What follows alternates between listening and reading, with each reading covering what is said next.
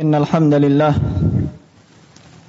نحمده ونستعينه ونستغفره ونستهديه ونتوب إليه ونعوذ به من شرور أنفسنا وسيئات أعمالنا. إنه من يهد الله فلا مضل له ومن يضلل فلا هادي له. وأشهد أن لا إله إلا الله وحده لا شريك له. وأشهد أن نبينا محمدا عبده ورسوله وصفيه من خلقه وخليله الذي بلغ الرسالة وأدى الأمانة ونصح الأمة وجاهد في الله حق جهاده فكشف الله به عن عباده الغمة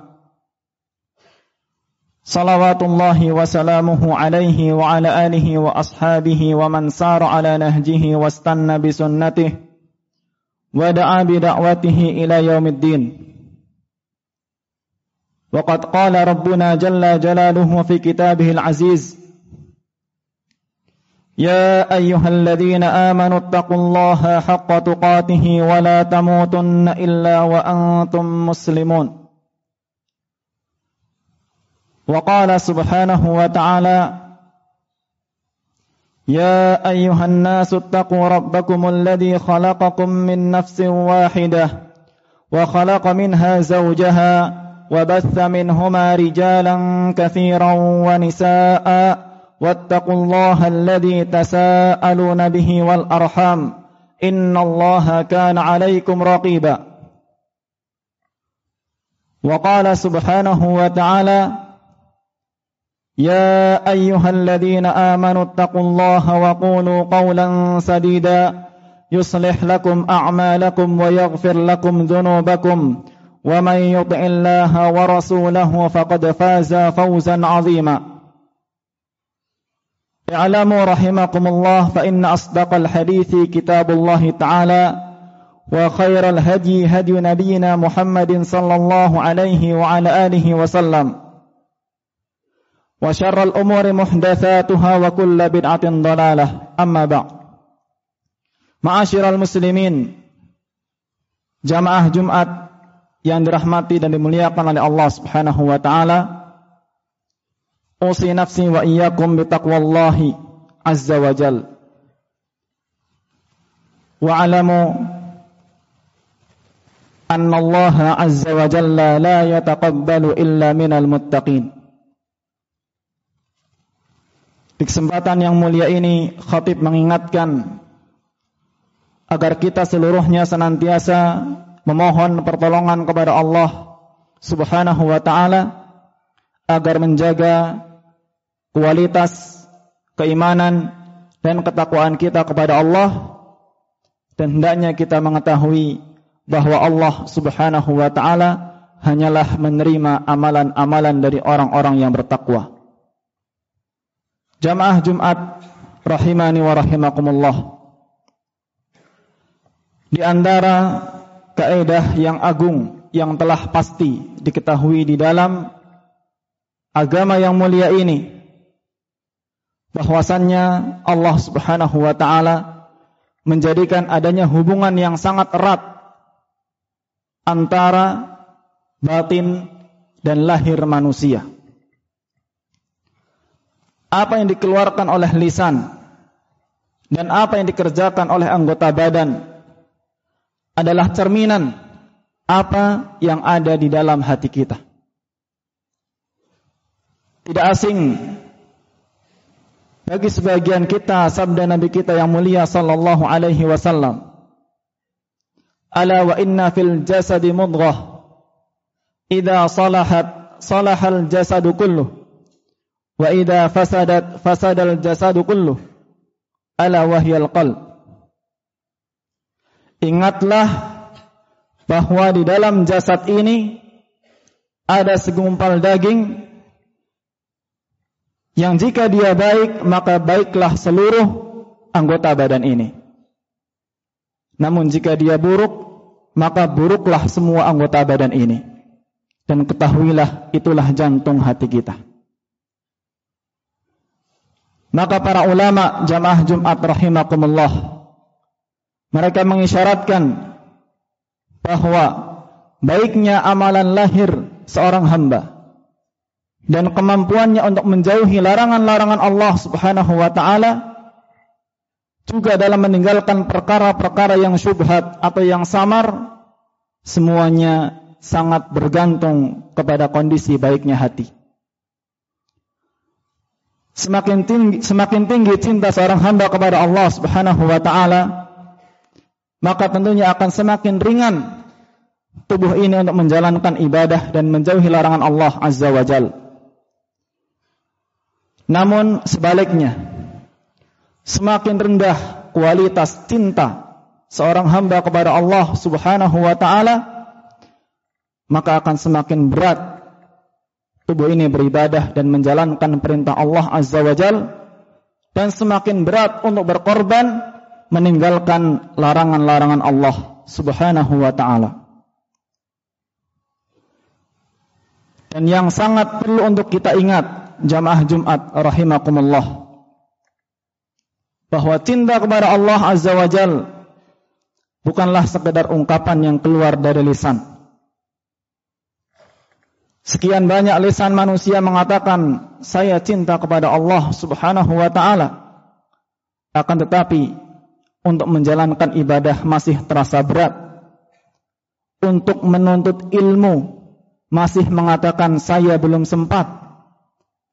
Dan untuk meninggalkan larangan Allah Subhanahu wa taala masih mengatakan saya belum kuat. Sekian banyak manusia lisannya mengatakan saya cinta kepada Allah Subhanahu wa taala. Tapi tidak malu di hadapan banyak manusia untuk menampakkan maksiat. Tidak ragu di hadapan banyak manusia untuk melampiaskan syahwat. Dan tidak banyak beristighfar. Memohon ampun kepada Allah Subhanahu wa taala. Bersiap untuk menghadapi kehidupan akhirat. Bishr ibnu Sari seorang ulama yang dikenal sebagai orang yang zuhud hidup di abad kedua Hijriyah.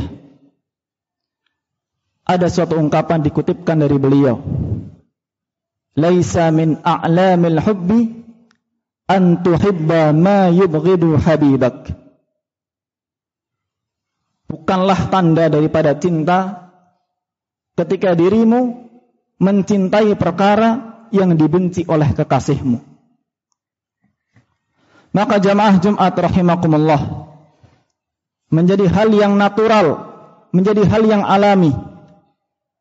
Ketika ada seorang mencintai kekasihnya, maka dia akan berusaha sekuat tenaga menyukai apa yang disukai oleh kekasihnya. Sekalipun mungkin pada awalnya perkara itu adalah hal yang dia benci. Demikian pun sebaliknya. Ketika seorang hamba mencintai kekasihnya, dia akan berusaha untuk membenci perkara yang dibenci oleh kekasihnya, sekalipun perkara itu adalah perkara yang awalnya sangat dia sukai. Semua itu karena kecintaan yang jujur untuk mendapatkan balasan cinta kekasih. Maka jamaah Jumat yang dirahmati oleh Allah Subhanahu wa taala, demikian selayaknya apa yang nampak dari seorang mukmin, apa yang nampak dari seorang muslim ketika mengaku dengan lisannya bahwa dirinya cinta kepada Allah Subhanahu wa taala. Tentunya tidak ragu untuk kemudian mencintai syiar-syiar Allah Azza wa Jal. Dan tidak ragu untuk meninggalkan, menjauhi, melepaskan diri dari syiar-syiar yang di dalamnya ada hal-hal unsur-unsur menyekutukan Allah Azza wa Jal dan ada unsur-unsur kemaksiatan. Sekalipun mungkin di balik itu dia akan menerima resiko. Resiko yang mungkin tidak ringan. Namun inilah bukti cinta seorang mukmin dan Allah Azza wa Jalla berfirman, "Walladzina amanu asyaddu hubban lillah." Dan orang-orang yang beriman itu cintanya sangat mendalam kepada Allah Subhanahu wa taala. Kalaulah kita melihat potret dari kehidupan para sahabat radhiyallahu taala anhum wa ardahum kita akan melihat bagaimana cerminan daripada cinta kepada Allah Subhanahu wa taala yang sangat jujur. Abu Bakar As-Siddiq radhiyallahu taala anhu bagaimana dia menerima siksaan ketika berceramah di Masjidil Haram. Mukanya terluka. Demikian juga dengan Abdullah ibnu Mas'ud radhiyallahu taala anhu. Menerima celaan, menerima siksaan ketika beliau membaca Al-Qur'anul Karim. Bagaimana tokoh muda para sahabat Mus'ab ibnu Umair radhiyallahu taala anhu tatkala ibunya mengetahui keimanannya sehingga dia diusir dari rumahnya. Mus'ab yang tadinya adalah seorang pemuda yang hidup dengan curahan harta. Akan tetapi setelah dia mengikuti apa yang diajarkan oleh Nabi kita yang mulia Muhammad sallallahu alaihi wasallam, tidak ada lagi yang bisa dia dapatkan bahkan hanya untuk sekadar mengganjal perut dari rasa laparnya.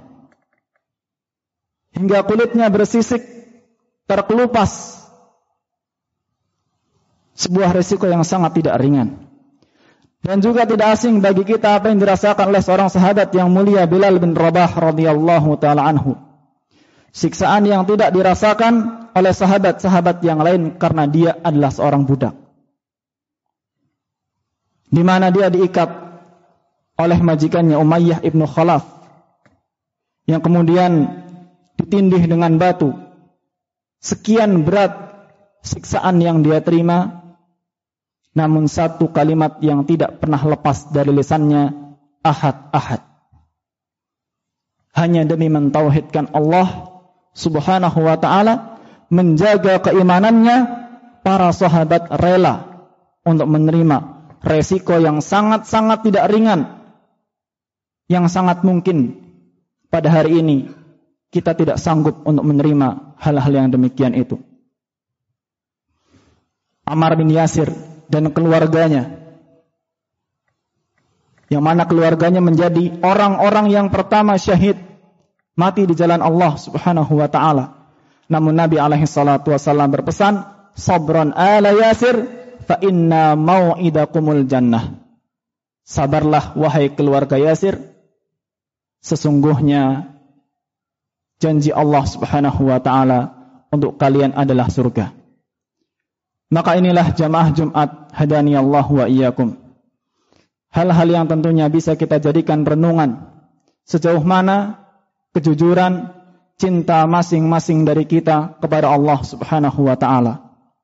Bisa kita lihat sejauh mana kita bersemangat dalam beribadah kepada Allah. Sejauh mana kita menyisakan waktu-waktu kita untuk menuntut ilmu dalam rangka mendekatkan diri kepada Allah Subhanahu wa taala. Sebanyak apa lisan kita ini berzikir mengingat Allah Subhanahu wa taala. Dan sedalam apa kita dalam meminta ampun kepada Allah Azza wa Jal karena tentunya diri-diri kita bukanlah hamba yang terbebas dari dosa. Semoga Allah Subhanahu wa taala menjadikan kita hamba-hamba yang mencintainya dengan cinta yang jujur. Allahumma inna nas'aluka hubbaka wa hubba man yuhibbuk wa kulla amalin yuqarribuna ila hubbik. أقول قولي هذا وأستغفر الله لي ولكم ولسائر المسلمين من كل ذنب فاستغفروه إنه هو الغفور الرحيم الحمد لله رب العالمين حمدا كثيرا طيبا مباركا فيه كما يحب ربنا ويرضى. وأشهد أن لا إله إلا الله وحده لا شريك له. وأشهد أن نبينا محمدا عبده ورسوله. صلى الله عليه وعلى آله وأصحابه ومن تبعهم بإحسان إلى يوم الدين وسلم تسليما كثيرا. وقال الله سبحانه وتعالى في كتابه الكريم يا ايها الذين امنوا اتقوا الله ولتنظر نفس ما قدمت لغد واتقوا الله إن الله خبير بما تعملون اتقوا الله عباد الله واعلموا فإنه من يتق الله يجعل له مخرجا ويرزقه من حيث لا يحتسب أما بعد جماعة جمعة هداني الله وإياكم Yahya ibnu Mu'adz mengatakan, "Afuhu yastaghriqu dzunuba, fa kaifa ridwanuh?" Wa ridwanuhu yastaghriqul amala, fa kaifa hubbuh? Wa hubbuhu yudhishul uqula, fa kaifa wudduh? Wa wudduhu yunsi ma dunahu, fa kaifa ampunan Allah Subhanahu wa taala itu menggugurkan semua dosa. Lalu bagaimana dengan keridoannya? Keridoannya adalah sesuatu yang sangat mendominasi seluruh cita. Lantas bagaimana dengan kecintaannya? Kecintaannya begitu mengagumkan akal dan pikiran. Lalu bagaimana dengan kasih sayangnya? kasih sayangnya membuat kita lupa dengan selainnya. Lalu bagaimana dengan kelembutannya? Dari ungkapan ini jamaah Jumat rahimakumullah satu sarana agar kita semuanya terbantu untuk menumbuhkan rasa cinta kita kepada Allah Azza wa Jal adalah dengan banyak-banyak mengingat Begitu besarnya ampunan Allah Subhanahu wa taala kepada para hamba. Begitu luasnya rahmat Allah subhanahu wa ta'ala kepada makhluk-makhluknya. Lalu apakah dengan sekian luas dan sekian banyak rahmat dan amunan Allah subhanahu wa ta'ala. Seorang hamba akan membalasnya dengan kebencian kepada Allah azza wa jal. Nas'alullah azza wa jalla bimannihi wa karamih. An yuwafiqana wa iyyakum lima yuhibbu wa yarda. Ibadallah innallaha wa malaikatahu yusalluna ala nabi يا أيها الذين آمنوا صلوا عليه وسلموا تسليما. اللهم صل وسلم على نبينا محمد وعلى آله وصحبه أجمعين. اللهم لا إله إلا أنت سبحانك إنا كنا من الظالمين. ربنا ظلمنا أنفسنا وإن لم تغفر لنا وترحمنا لنكونن من الخاسرين. اللهم اغفر لنا ذنوبنا وكفر عنا سيئاتنا وتوفنا مع الأبرار وأنت راض عنا. اللهم اغفر لوالدينا وارحمهم كما ربونا صغارا. اللهم اغفر للمؤمنين والمؤمنات يوم يقوم الحساب. اللهم حبب إلينا الإيمان وزينه في قلوبنا وكره إلينا الكفر والفسوق والعصيان. اللهم أصلح لنا ديننا الذي هو عصمة أمرنا وأصلح لنا دنيانا التي فيها معاشنا وأصلح لنا آخرتنا التي إليها معادنا. واجعل الحياة زيادة لنا في كل خير. واجعل الموت راحة لنا من كل شر. اللهم ربنا آتنا في الدنيا حسنة وفي الآخرة حسنة وقنا عذاب النار. وصلى الله على نبينا محمد وعلى آله وصحبه وبارك وسلم. وآخر دعوانا أن الحمد لله رب العالمين. وأقم الصلاة.